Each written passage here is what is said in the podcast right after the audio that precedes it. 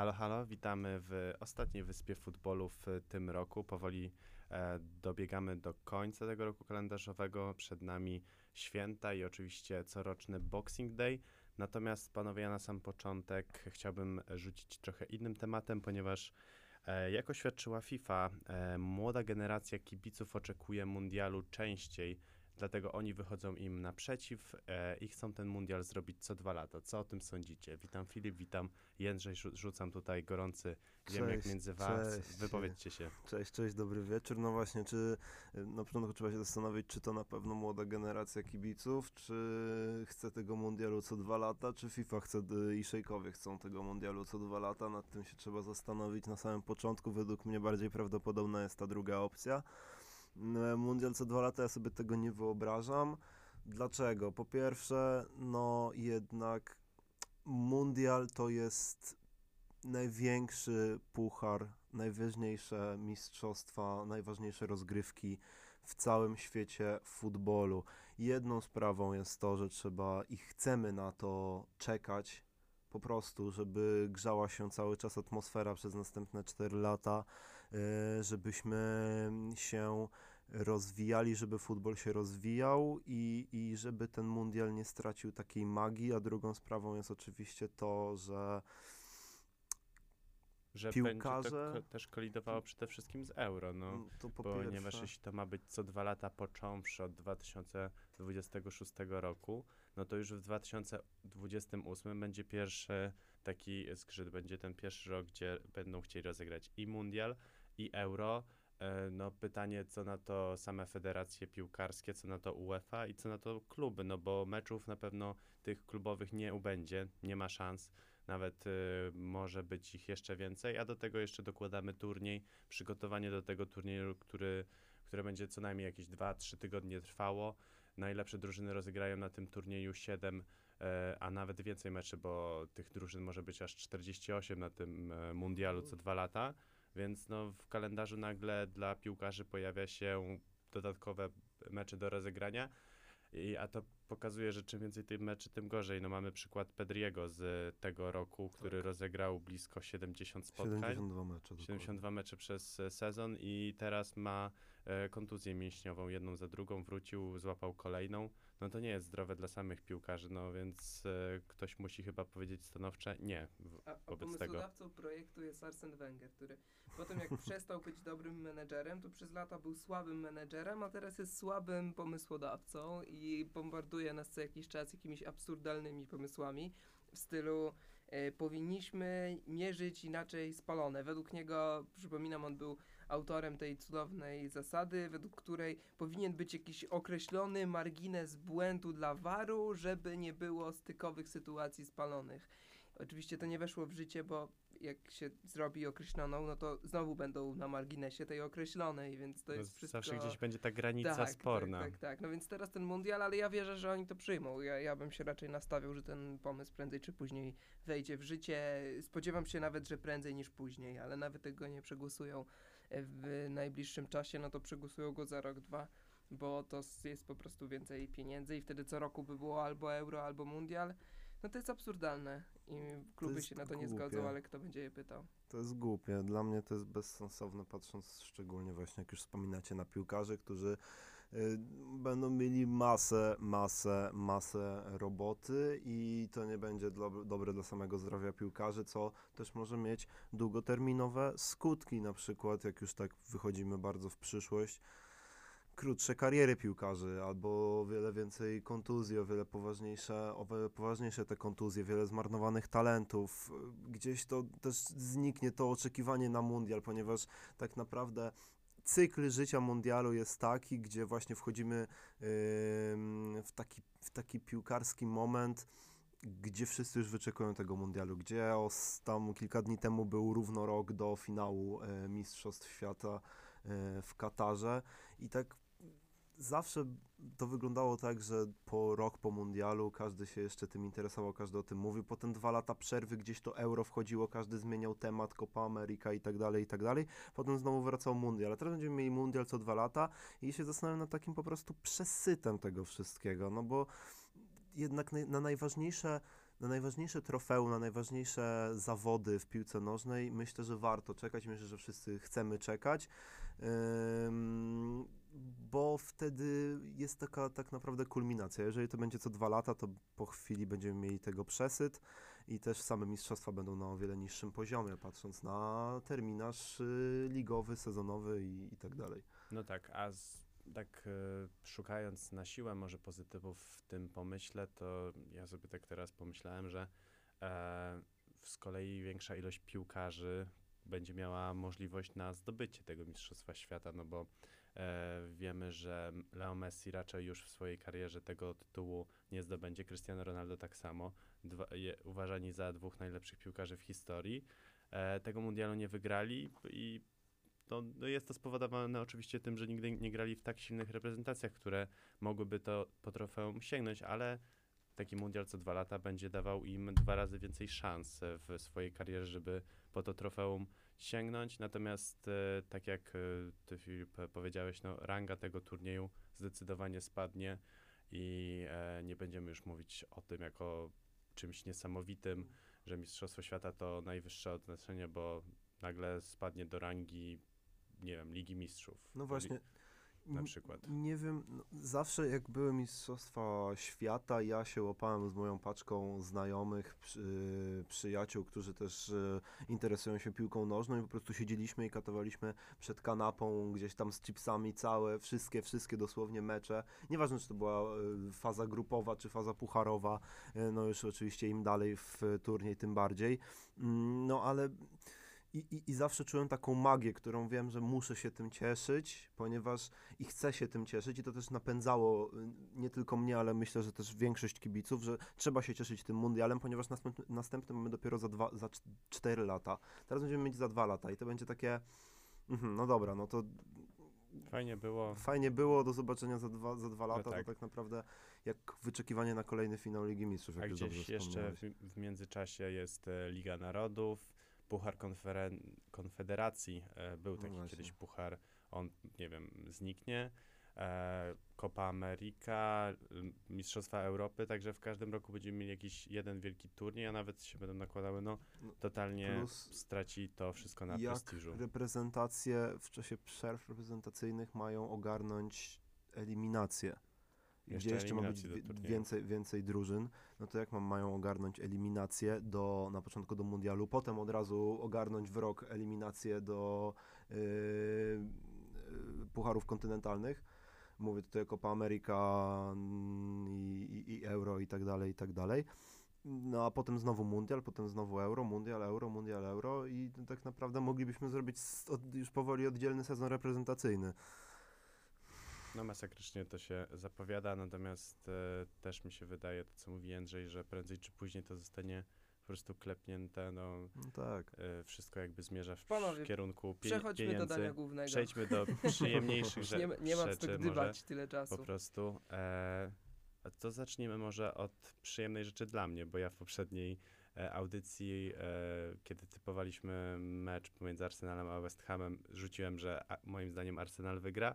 No i udało się panowie 2-0 i Arsenal po bardzo wielu tygodniach, e, nie wiem czy ktoś wyliczył ilu, wraca na chlubne czwarte miejsce i trzeba chyba delikatnie przyklasnąć im.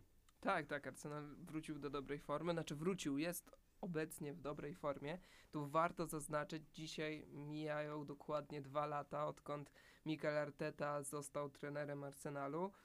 Cały czas uważam, że to była zła decyzja, że byli lepsi kandydaci, albo można było nie zwalniać y, poprzednich menedżerów, można było nie zwalniać Emerego.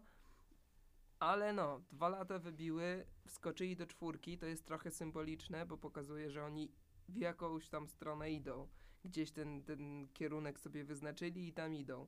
Jak mamy ich skład, tam jest dużo nowych twarzy, dużo młodych też chłopaków, którzy albo debiutowali wcześniej, albo z Artety, ale tak czy inaczej Arteta ym, daje im teraz dużo placu, tak, czyli Smith Rowe, y, Saka, y, dodatkowo ci kupieni, White, Ramsdale, to wszystko są w miarę młodzi zawodnicy, którzy, których Arteta wprowadzał do składu i z których chce coś budować.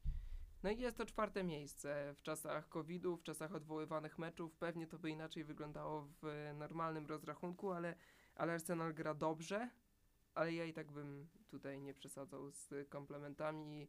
Daję im miesiąc na y, zniżkę formy. Jak, jak nic takiego się nie stanie, to bardzo się zdziwię. Ale myślę, że, że, że prędzej czy później się wykoleją. Zniżka formy na pewno będzie, no ale właśnie a propos jeszcze, jak już powiedziałeś o tej zniżce formy, no to druga drużyna, rywal Arsenalu, czyli West Ham. Baliśmy się, e, tutaj też rozmawiając na audycjach w trakcie tej rundy jesiennej o e, gdzieś tam zjazd, gdzieś tą zadyszkę e, młotów, no i w końcu ją dostaliśmy. To prawda. I, I West Ham nie zrobił nic w tym meczu, żeby go wygrać. Tak. Miał farta, że dobrze spisywał się Fabiański, bo inaczej by mogło się to skończyć dużo gorzej. Fabiański wybronił karnego, ale też kilka sytuacji i poza tym grał bardzo słabo. I, i to jest kolejny mecz West Hamu z rzędu, kiedy, kiedy ta drużyna nic wielkiego nie pokazuje.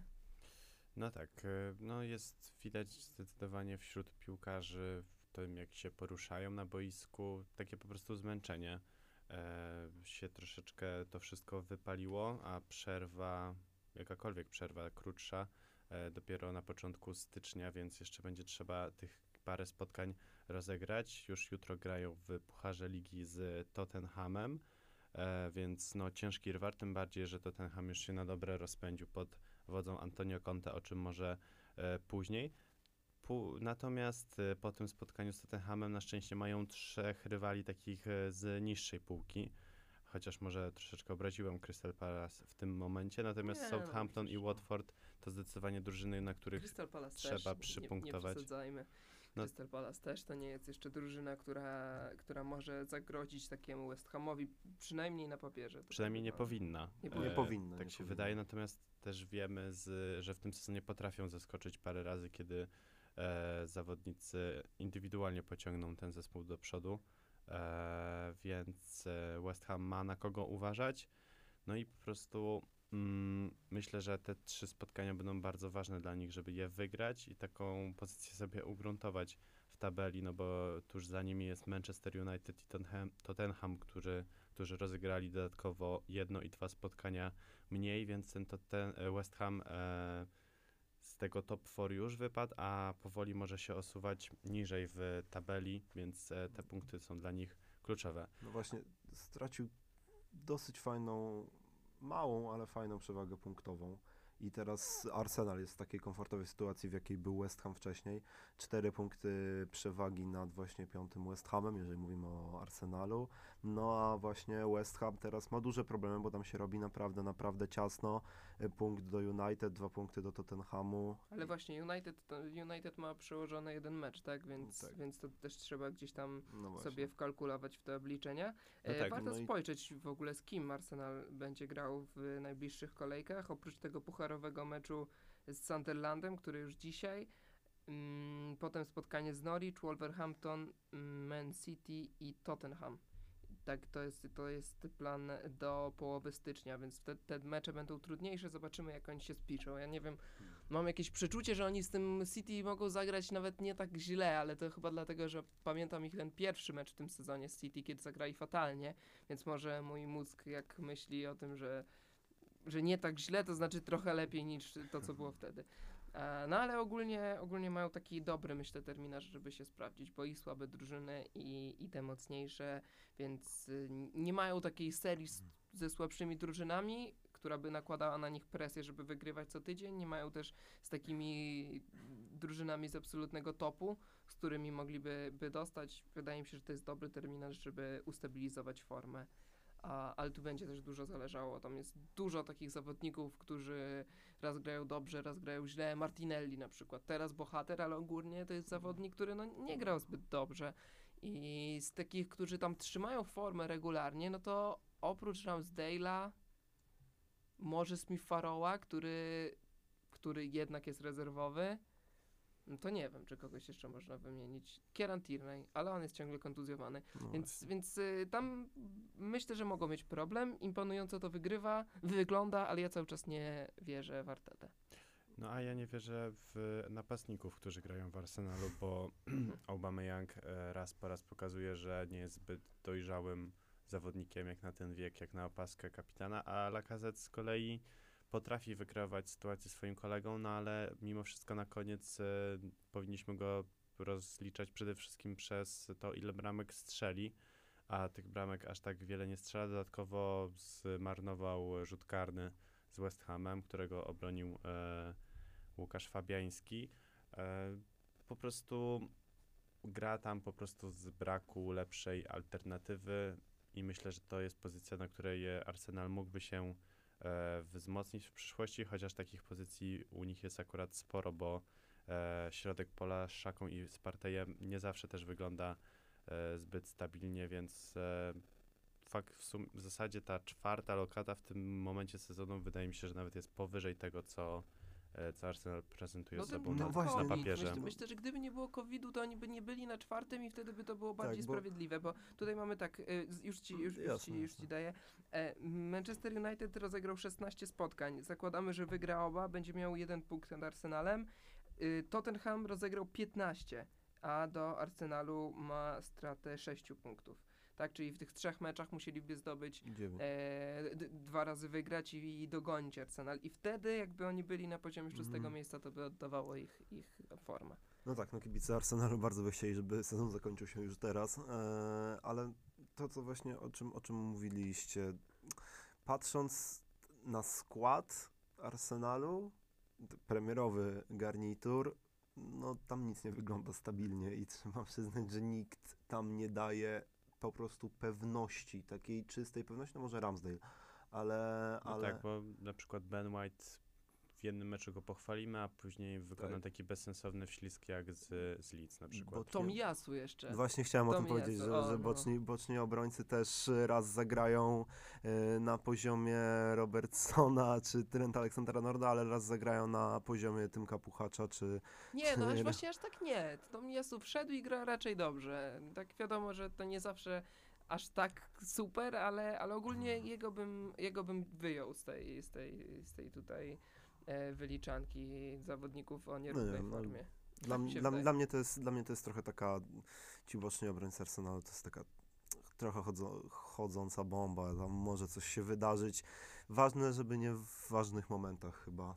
Na to mu trzeba liczyć, nie dają takiej, takiej, takiej pewności po prostu dla mnie, że w tych kluczowych momentach, czy nie wiem, jak się uda wyciągnąć jakiś jeden, błagalne 1-0 właśnie z tym City, e, to nagle coś, czy czegoś tam e, nie zrobią, gdzieś nie wpuszczą tego Sterlinga, gdzieś nie złapią go, coś, coś się nie wydarzy.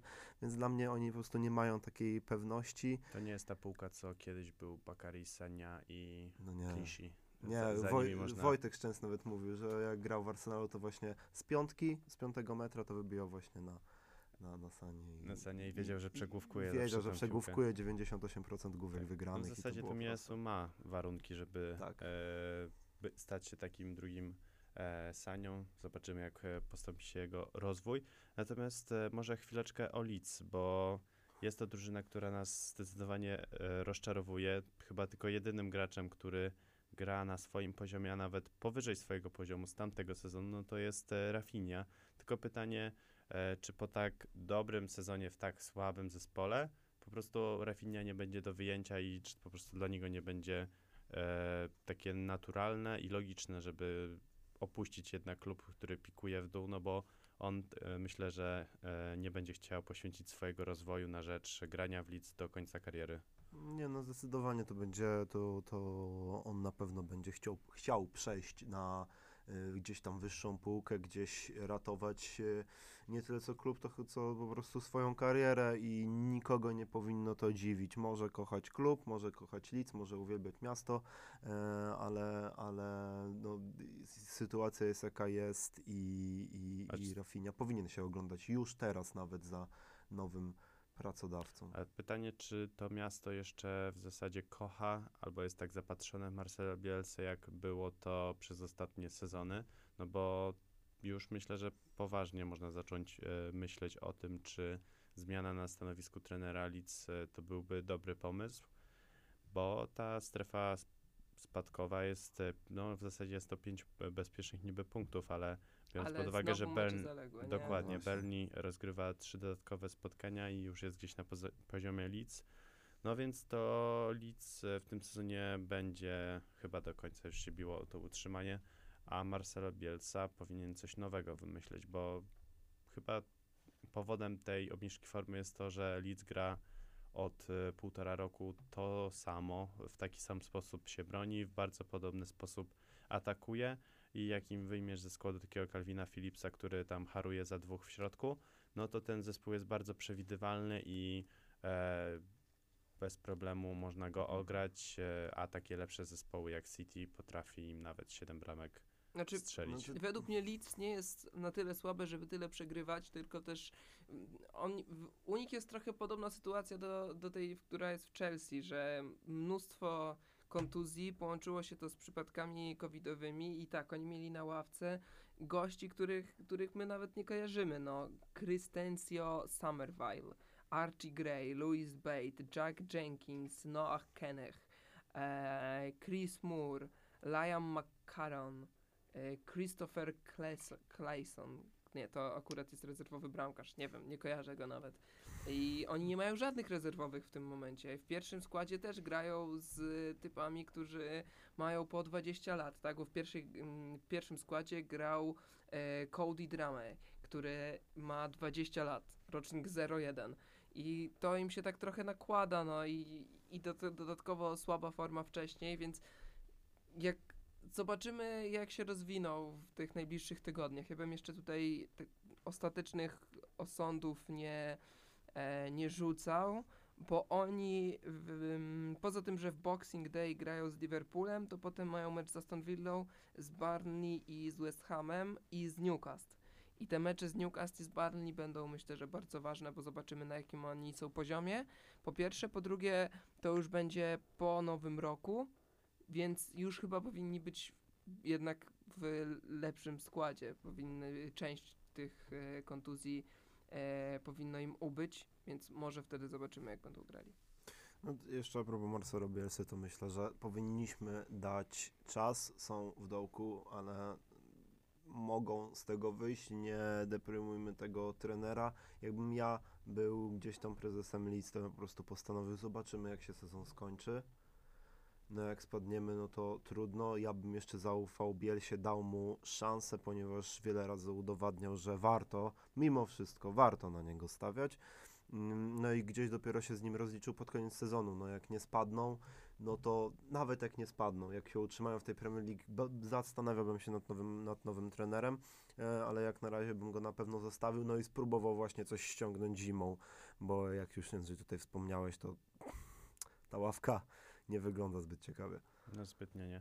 No dobrze, natomiast zespołami, którymi e, na pewno na razie nie będą rozglądali się za nowym szkoleniowcem, może za nowymi zawodnikami, ale to też e, nie, nie, nie pali się w tych zespołach, no to Tottenham i Liverpool, które zespoły nam zagwarantowały świetne widowisko w niedzielę i to był taki trochę mecz, e, który na, mm, na ilością emocji nadrobił to, czego nie dostaliśmy w tej kolejce, no bo bardzo wiele meczy było odwołanych, w sobotę pięć przełożonych, w niedzielę dodatkowo jeszcze jedno, więc e, taki mecz w niedzielne popołudnie na pocieszenie dla kibiców angielskiej piłki myślę, że był bardzo potrzebny i nawet nie wiem od czego zacząć w tym spotkaniu, bo działo się tak wiele. Może od kontrowersji, bo to zawsze fajnie, fajnie omawiać, niż e, fajniej nawet niż bramki w tym przypadku. Sytuacja z Harrym Kane'em z pierwszej połowy, z 20 minuty. Panowie? No, czerwona kartka czysta i chyba nawet nie ma o czym gadać. Nie no, się tutaj zgadzam zdecydowanie. No, no to mamy zgodę.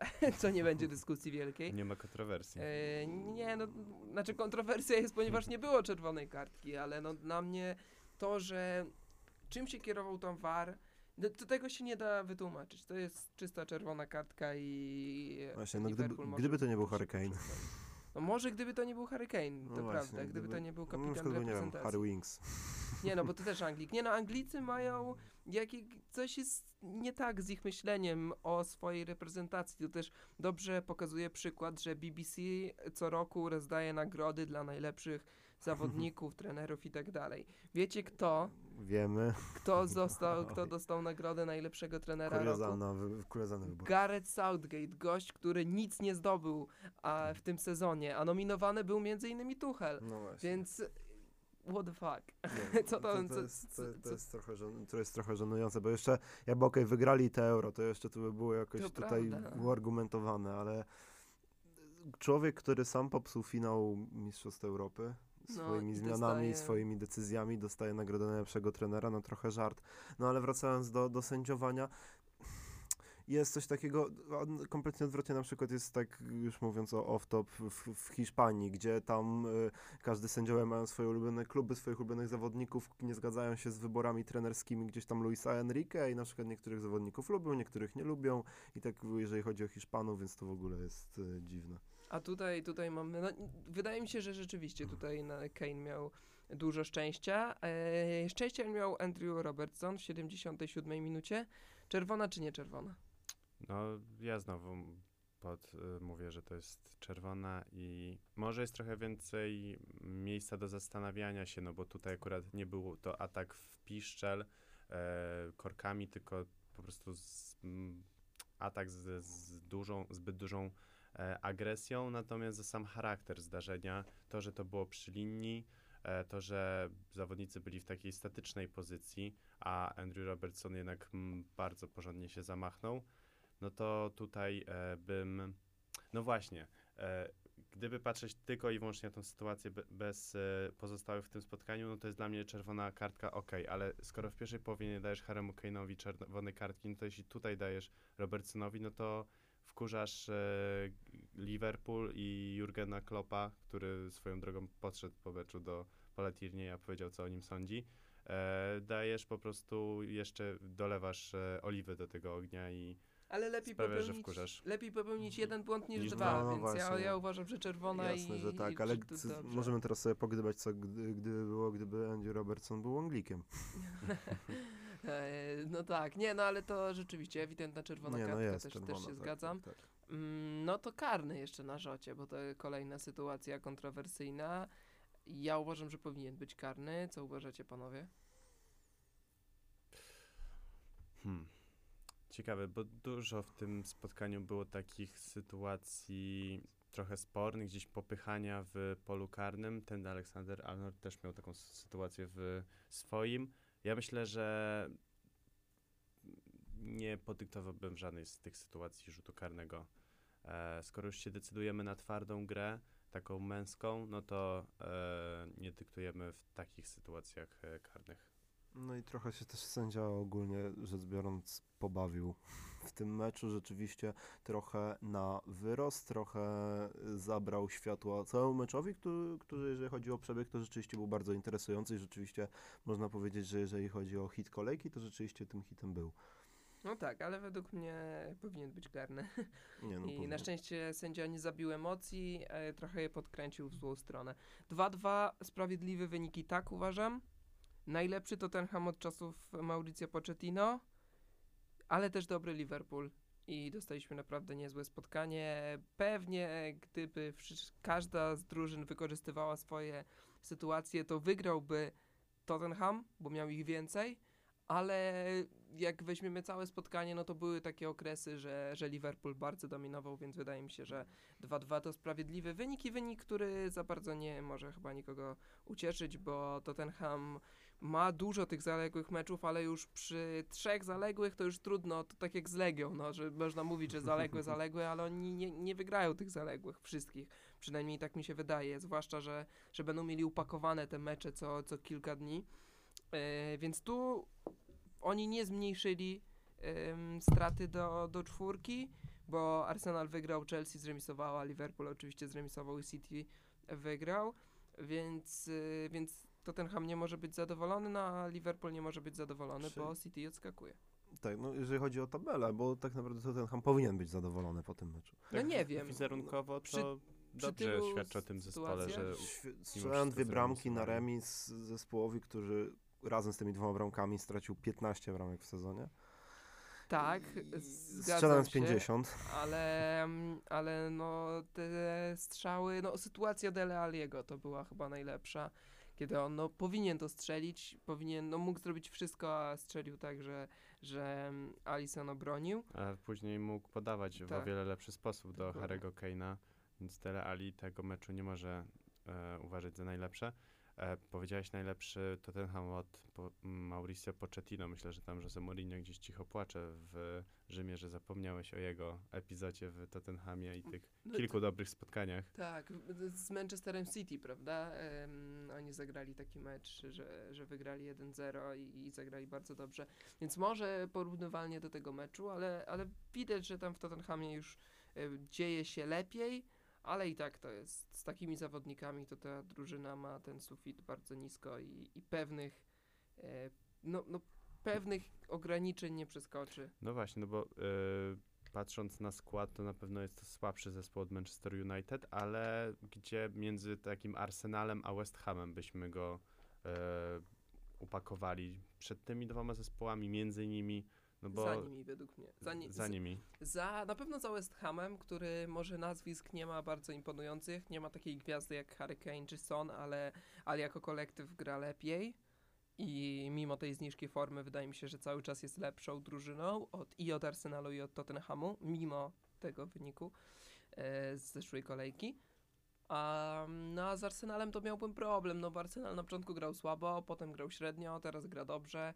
Ja trochę nie wierzę, że oni będą grali. Trudno mi ocenić taki całokształt Arsenalu. O ile mogę wybaczyć te porażki West Hamu i ocenić je y, bardziej przez pryzmat całego sezonu, to z Arsenalem mam większy problem. Trudno mi powiedzieć, jaka jest y, taka ogólna siła. Y, nie, że siła dnia, tylko sezonu. Siła boiskowa. No ale właśnie, i jeszcze mam do Was jedno pytanie. E, czy uważacie, że to jest jakiś początek dobrego w Tottenhamie, gdzie to jest jakiś, jakiś me taki mecz przełamujący, ponieważ jeżeli popatrzymy sobie na następne spotkania, oczywiście mamy West Ham jutro w Pucharze Anglii, e, no ale trzy następne spotkania w Premier League to, Kryst to Crystal Palace u siebie, to Southampton na wyjeździe i Watford na wyjeździe, potem zaczyna się, się schodki, bo Arsenal i Chelsea, no ale... E, te najbliższe trzy spotkania, czy to są trzy punkty? Dziewięć. Znaczy trzy punkty, przepraszam, dziewięć punktów. No, myślę, że siedem co najmniej trzeba w tych spotkaniach zdobyć, żeby właśnie na takiej dobrej fali pojechać. No nie no, ja myślę, że już w Tottenhamie się dzieje lepiej e, w porównaniu z tym, co było na początku sezonu. E, w tym spotkaniu wykreowali sobie bardzo dużo sytuacji i właśnie gdyby w lepszej dyspozycji był Dele Ali, no to ten mecz by oni nawet E, wygrali i mówilibyśmy o wielkim sukcesie Antonio Conte. Natomiast e, ta gra wygląda po prostu lepiej. E, mimo tego, że stracili dwie bramki z Liverpoolem, no to można powiedzieć, że to jest tylko dwie bramki z Liverpoolem, no bo oni w tym sezonie bardzo dużo sobie sytuacji kreują. No myślę, że to był dobry mecz dla nich i pokazuje, że i Tottenham się rozwija do przodu i rozwija się do tyłu. No, grali z zespołem, który walczy bezpośrednio z Manchesterem City e, i Chelsea o mistrza Anglii, więc no, trzeba to na pewno docenić i docenić pracę Antonio Conte. E, być może przez ten okres, e, kiedy od 5 grudnia nie grali, przez 2,5 tygodnia coś tam poukładał w tym zespole, chociaż też podobno kilka treningów musiał odwołać, bo po prostu nie miał z kim trenować. Takich COVID przetrzewił. Natomiast widać progres i jestem ciekawy tych najbliższych trzech spotkań, czy ten progres po prostu podtrzymają.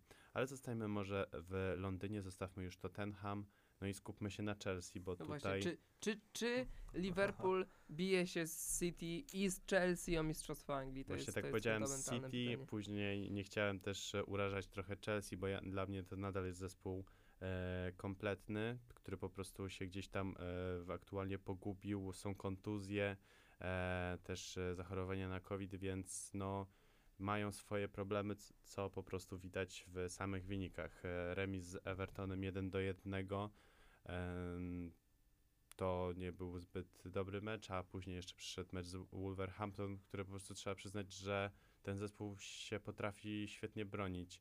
E, naprawdę to, jak cały zespół tam pracuje, e, to jest e, niesamowite, że tak mało traci ten, ten zespół bramek, mało strzela. to też trzeba przyznać, ale w defensywnie wyglądają naprawdę jak taki monolit, no i z, właśnie z tym monolitem Chelsea miała ogromne problemy, nie strzeliła im żadnej bramki. No właśnie to może być problem, ponieważ zaraz Aston Villa, potem Brighton, a potem Liverpool i Manchester City. Y, przy Chelsea, która złapała dołek, to nie jest zbyt dobra wróżba na te mecze. Chyba najważniejsze mecze tego sezonu będzie ciężko. No brakuje chyba e, Romelu Lukaku, żeby tak... Czy w, w, ogóle ja tak was wam nie chciałem przerywać, ale teraz przerwę. Wydaje mi się, że mecz z... Że, że można krytykować Chelsea, bo, bo grają naprawdę słabo, ale meczu z Wolverhampton nie ma co za bardzo rozważać, bo ten mecz powinien zostać przełożony. W momencie, w którym Chelsea ma 7 pozytywnych przypadków COVID-u, czyli dokładnie tyle samo co Brentford, i mecz Brentford jest przekładany, mecz Chelsea nie, a czy jest w ogóle jakaś I zasada od ilu przypadków? Nie ma właśnie. Wydaje mi się, że teraz po tym spotkaniu, co było, y, jakieś już zostały jest, ustalone. Są, ale... są zostały tak. ustalone, musi być. Jak, jeżeli masz 13 zawodników, 14 chyba. 13 z pola tak? dwóch bramkarzy, okay, za, za, potem tam u ZU23 bierzesz sobie resztę do, do pełnej 23, może 25 no możesz tak. grać. Tylko to nie jest takie łatwe. To jest w ogóle. Nie, no więc y, mecz mm, Chelsea Wolves ja bym w ogóle nie rozważał piłkarsko. W momencie, w którym Chelsea na ławce rezerwowych miała pięciu zawodników z tego dwóch bramkarzy, nie, sześciu zawodników, dwóch bramkarzy, bo był Barclay, Sar, Saul i um, jeszcze ktoś, ale wypadł mi, wy, mhm, wypadł mi z głowy. I Kowacić. Kowacić grał z kontuzją, Kante grał z kontuzją. E, I do, ten mecz w ogóle nie powinien się odbyć. I, i, I dlatego trochę mi trudno go jakoś piłkarsko analizować, bo Chelsea nie powinna tam grać. Miała te przypadki COVID-u. I mówienie też, że do klubów powinny, powinni dołączać zawodnicy z młodzieżówek jest błędne i ze strony takiej sanitarnej, covidowej, bo mogą się zarazić, bo wszyscy piłkarze Chelsea spędzali czas w jednym miejscu. To, że część miało pozytywny, część miało negatywny, to jest przypadek, więc równie dobrze dołączając do tej grupy można się zarazić, nawet jeżeli inni nie mają pozytywnych przypadków, e, e, pozytywnych testów. Więc to jest jedna rzecz. Druga, mecze młodzieżówek zostały odwołane, więc yy, drużyna U18 Chelsea ostatni mecz grała na początku grudnia.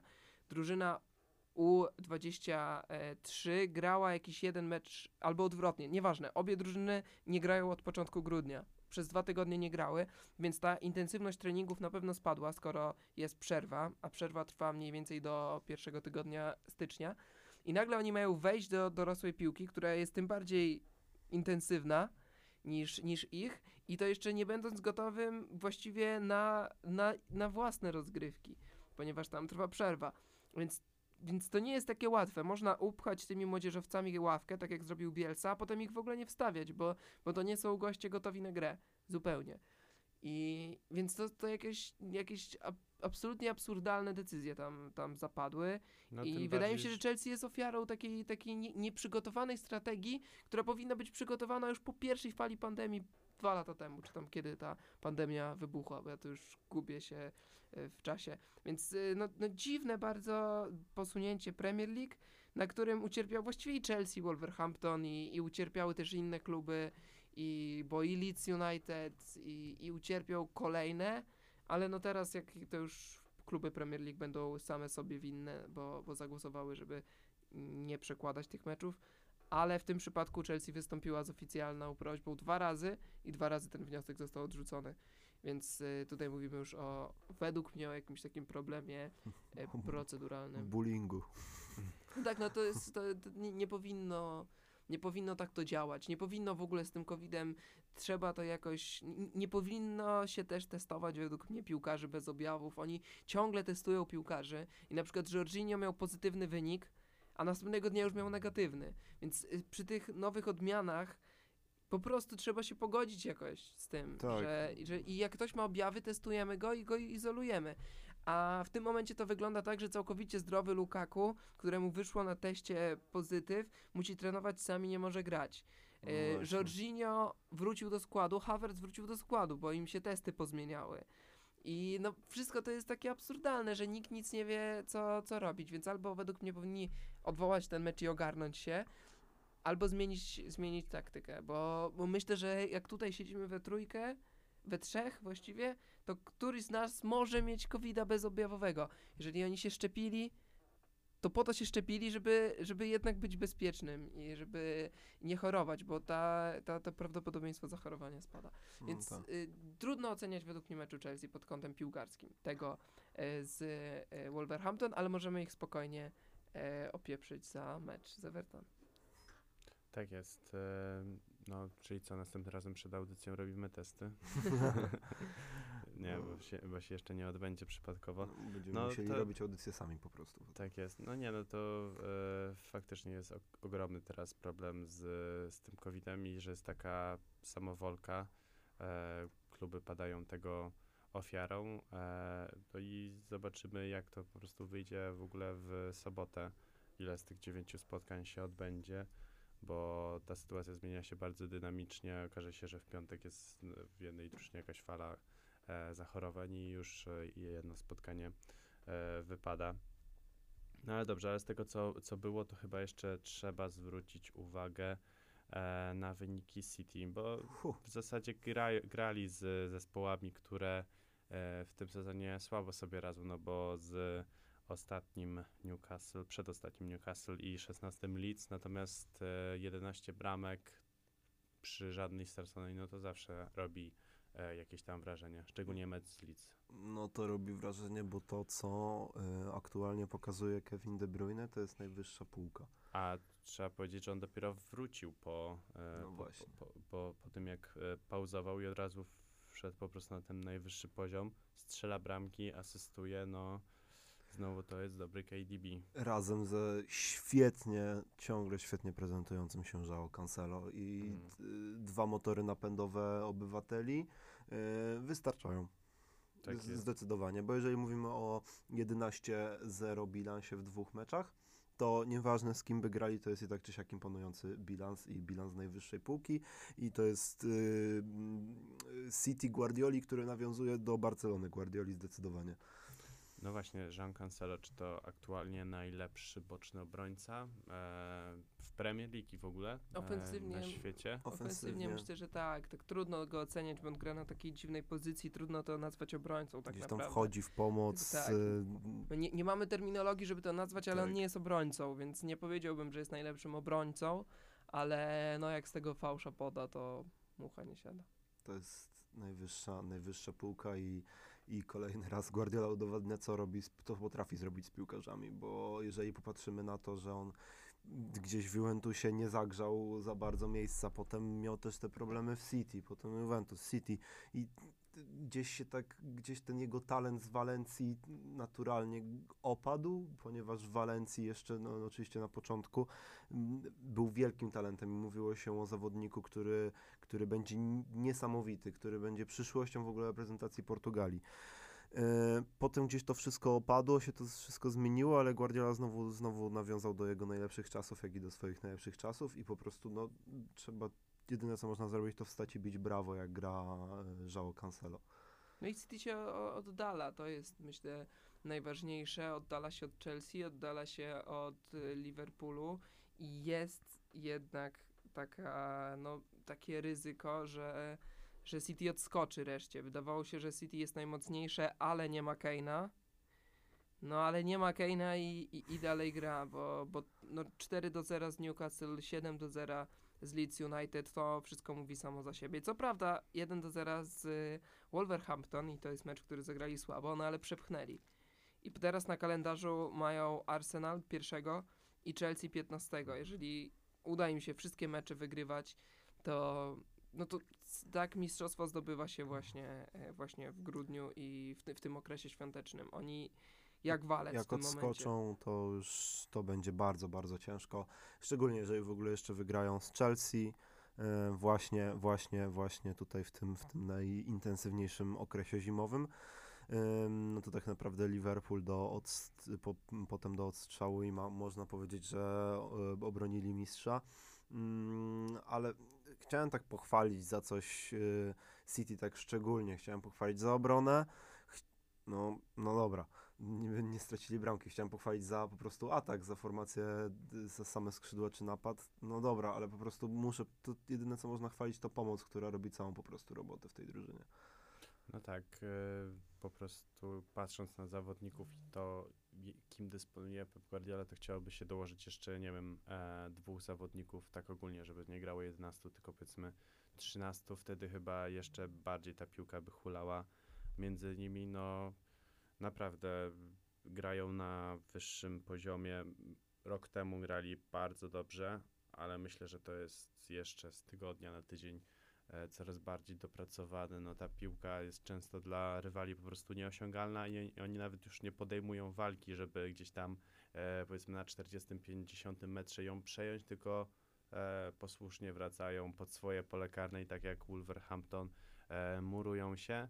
E, a to murowanie też e, często nie wystarcza, bo jedno dobre podanie za, za obrońców i City zdobywa bramkę. No ciężko znaleźć w nich teraz słabe punkty, e, bo ten brak środkowego napastnika absolutnie w tym momencie nie przeszkadza. Zobaczymy, co, kiedy, zobaczymy, co będzie, jak po prostu mm, to rozgrywanie piłki nie wystarczy. Powiedzmy, Chelsea znowu wróci do bardzo dobrej formy. Chelsea będzie się świetnie broniło i wtedy zobaczymy, czy brak e, takiego silniejszego zawodnika, który by przepchnął w polu karnym, e, wtedy czy ten brak City po prostu nie wyjdzie wtedy. No właśnie, ja, ja się właśnie też zastanawiam, że... Bo wszystko jest dobrze, dopóki tak. to po prostu gra, dopóki, dopóki to nie trafiają na rywala, który postawi jeszcze twardsze e, warunki niż Wolverhampton, ale co, co później, no bo e, ja znowu widzę taki scenariusz, że City może wygrać tę ligę, ale tej Ligi Mistrzów mogą nie zdobyć, bo właśnie trafią na zespół, który w jednym meczu ich wyłączy, w drugim zremisuje, no i jest po tej drużynie, bo właśnie, nie ma tej alternatywy w ataku tej dziewiątki. Właśnie o tym chciałem wspomnieć. Jak to będzie wyglądało w ogóle w Lidze Mistrzów? Yy, Okej, okay, Sporting no, przejdą, Easy. ale zobaczymy, co będzie później. E, dobrze im się też składa właśnie, że teraz wygrywają te mecze, że odskakują, że reszta stawki gdzieś tam wypada, że już jest coraz więcej, coraz, coraz większa ta różnica punktowa, e, bo jeżeli dobrze sobie poradzą, to potem mogą się skupić rzeczywiście na tej Lidze Mistrzów, ale jak dokładnie co, co powiedziałeś, no, jeżeli ktoś wyłączy im pomoc, jeżeli ktoś się zam, albo jak ktoś się zamuruje, to będą, oni mają niesamowite problemy. No i City ma taki problem, w którym oni męczą się do zdobycia pierwszej bramki. Jeżeli oni nie zdob o wiele bardziej niż inne zespoły. Oni muszą strzelić pierwszą bramkę, bo jeżeli oni w ogóle stracą jeszcze bramkę, to będą mieli jeszcze większe problemy. Oni muszą strzelić, żeby w ogóle jako, jakkolwiek wejść w ten mecz i potem już po prostu rozwalają rywala. Jeżeli nie strzelą, nie strzelą naprawdę mają bardzo, bardzo duże problemy. No i też często drugie połowy grają dosyć słabo. Y, zdecydowanie lepiej grają na początku meczu, potem jakoś to... Na, na pół gwizdka trochę jakby tak, odpoczywali. To pokazuje, że chyba jednak nie mają aż takiej długiej ławki, jeśli chodzi o te pozycje ofensywne ale w tym momencie City zdecydowanie najlepsza drużyna. E, jeśli chodzi o Anglię, no, no to by było dosyć smutne tak naprawdę, jakby odskoczyli reszcie, bo szykował się no dobry sezon, Chelsea w kryzysie i nie widać tam za bardzo szansy na taką szybką poprawę, bo no, jeśli dobrze liczę, no to te pozytywne przypadki były gdzieś w okolicy 18-19 19 grudnia, czyli pod koniec miesiąca oni wrócą, czyli na pewno dwie kolejki ominą, Boxing Day, nie, jedną kolejkę. Jedną czy dwie? Boxing Day i chyba kolejna to już jest pierwszego, Mo, mogą, tak? o, mogą dwie ominąć, A, dwie. bo później Chelsea gra jeszcze 29 tak, grudnia. Tak, tak, dokładnie, dokładnie. Na szczęście z Brighton, więc e, powiedzmy no nie, no. mecz do przepchnięcia, natomiast e, Aston Villa w Boxing Day to myślę, że może być ciężki rywal. No ja myślę, że Aston Villa łatwiejsze mimo wszystko niż, niż, niż, niż Brighton. I tak Chelsea w takiej, no wszyscy ci zawodnicy wrócą dopiero po meczu z Brighton tuż przed meczem z Liverpoolem, więc nie wiadomo, czy zagrają z tym Liverpoolem. No tu, tu będą duże problemy. Z kolei no Liverpool, to co powtarzamy od dawna, będzie miał problem podczas Pucharu Narodów Afryki, a poza tym Liverpool ogólnie nie wygląda aż tak, dobre, tak dobrze jak City. No ale zobaczymy, zobaczymy jak się to ułoży. Y, oby to nie była taka y, liga, y, oby walka o mistrzostwo nie, nie, no nie skończyła się w okolicach marca, tylko maja. No mi się wydaje mimo wszystko, że się nie skończy, że to City musi złapać zadyszkę i wtedy te oby, inne kluby oby. doskoczą ja też wierzę w Chelsea, bo wydaje mi się, że oni są kompletnym zespołem, tylko tam się musi e, sporo czynników e, poukładać. E, mniej problemów po prostu, mhm. bo aktualnie mają bardzo dużo. No dobra, panowie, zostało kilka minut audycji, no to przejdźmy do tego wyczekiwanego Boxing Day. E, i, ale mimo wszystko, że wyczekiwany, no to ciężko wybrać, które spotkanie miałoby być tym hitowym. E, mamy fajne spotkanie Liverpoolu z Leeds, w którym może paść dużo bramek, e, dużo bramek w jedną stronę. E, jest spotkanie Wolves w, z Watfordem, tutaj w zasadzie za dużo bramek chyba nie padnie. Później e, mamy multiligę, czyli łączone mecze Barney z Evertonem, Manchesteru City z Leicester, Norwich z Arsenalem i e, Spurs e, z Crystal oraz West Hamu z Southampton. Później fajne bardzo spotkanie, które w zasadzie chyba będzie najciekawsze z tych wszystkich, czyli Aston Villa właśnie z Chelsea i na koniec e, drugiego dnia świąt Brighton z Brentfordem, więc bez hitów, ale coś ciekawego do pooglądania w drugi dzień świąt między śledzikiem a barszczem. No, Myślę, że będzie. Kiedyś byśmy powiedzieli, znaczy w zeszłym sezonie byśmy powiedzieli, że ten mecz Manchester City Leicester City to taki hit, ale teraz e, już mi się tak nie wydaje. E, nie ma hitów, ale zobaczymy. No, ja myślę, że będzie dużo remisów. Może się tak zdarzyć. Może być sporo remisów, może też być takie po prostu wymęczenie w tych tak, ja e, myślę, że zespołach. będą takie spotkania na, lekko na pół gwizdka w większości przypadków. E, spotkania, w których e, te lepsze drużyny będą się oszczędzać. Gorsze mimo wszystko też, czyli w sumie wszyscy będą się, będą się tak oszczędzać, grać bardziej pod wynik, grać gra będzie wolniejsza. I to nie, nie wcale z powodu właśnie gdzieś tam przejedzenia na, na mhm. Wigilii czy coś w tym rodzaju, yy, czy w trakcie świąt, yy, no ale po prostu ze zmęczenia gdzieś też myślę, że aktualnie we wszystkich sztabach klubów Premier League jest, jest powiedziane właśnie, żeby tutaj podejść do, tego, do tej kolegi do Boxing Day spokojnie, yy, ponieważ jeszcze całe widmo sezonu przed nami, tak naprawdę oczywiście to jest ważna faza, ale jeszcze będą ważniejsze i żeby to też nie nałapać jakichś głupich kontuzji, szczególnie w takiej sytuacji covidowej e, w całej lidze, ponieważ no to jak jeszcze kontuzje do tego wszystkiego do, do, do, tego dojdzie, to na przykład e, wiele klubów będzie miało o wiele, o wiele, o wiele większe problemy, na przykład Chelsea. Tak, myślę, że najważniejsze dla tych zespołów jest, żeby przede wszystkim teraz rozgrywać mecze, żeby ich nie przekładać, no bo później odrobienie w trakcie sezonu, kiedy wejdzie jeszcze y, puchar E, ligi, Puchar Anglii, no to będzie po prostu granie co dwa, co trzy dni e, i to będzie już po prostu wyniszczające dla tych klubów, więc chyba przede wszystkim może na pół ale grać te mecze i sobie nie robić dodatkowych terminów później w kalendarzu, bo będzie no bardzo ciężko. Chyba takie było myślenie właśnie, ale znaczy myślenie mówię o klubach. Żeby grać dalej. Na tym, tak, tak, tak, tak, ale, ale czy to jest dobra decyzja, to... Zobaczymy. Kluby grają, grają, dalej, a Wyspa Futbolu powoli się e, kończy. Dzięki panowie za dzisiejszy udział. Dzięki, dzięki. Dzięki, dzięki. A ja zapraszam was jeszcze na nasze social media, na Spotify, Instagram, na Facebooka. Tam możecie posłuchać naszej audycji oraz wielu innych, które na naszej e, antenie się odbywają. Dziękujemy wam bardzo, życzymy wesołych, zdrowych, e, niekowidowych świąt, no i słyszymy się już w roku 2022. Czyli też szczęśliwego nowego roku można życzyć. Tak jest. tak, tak. Do usłyszenia. Do usłyszenia. Dobrego. Wszystkiego dobrego.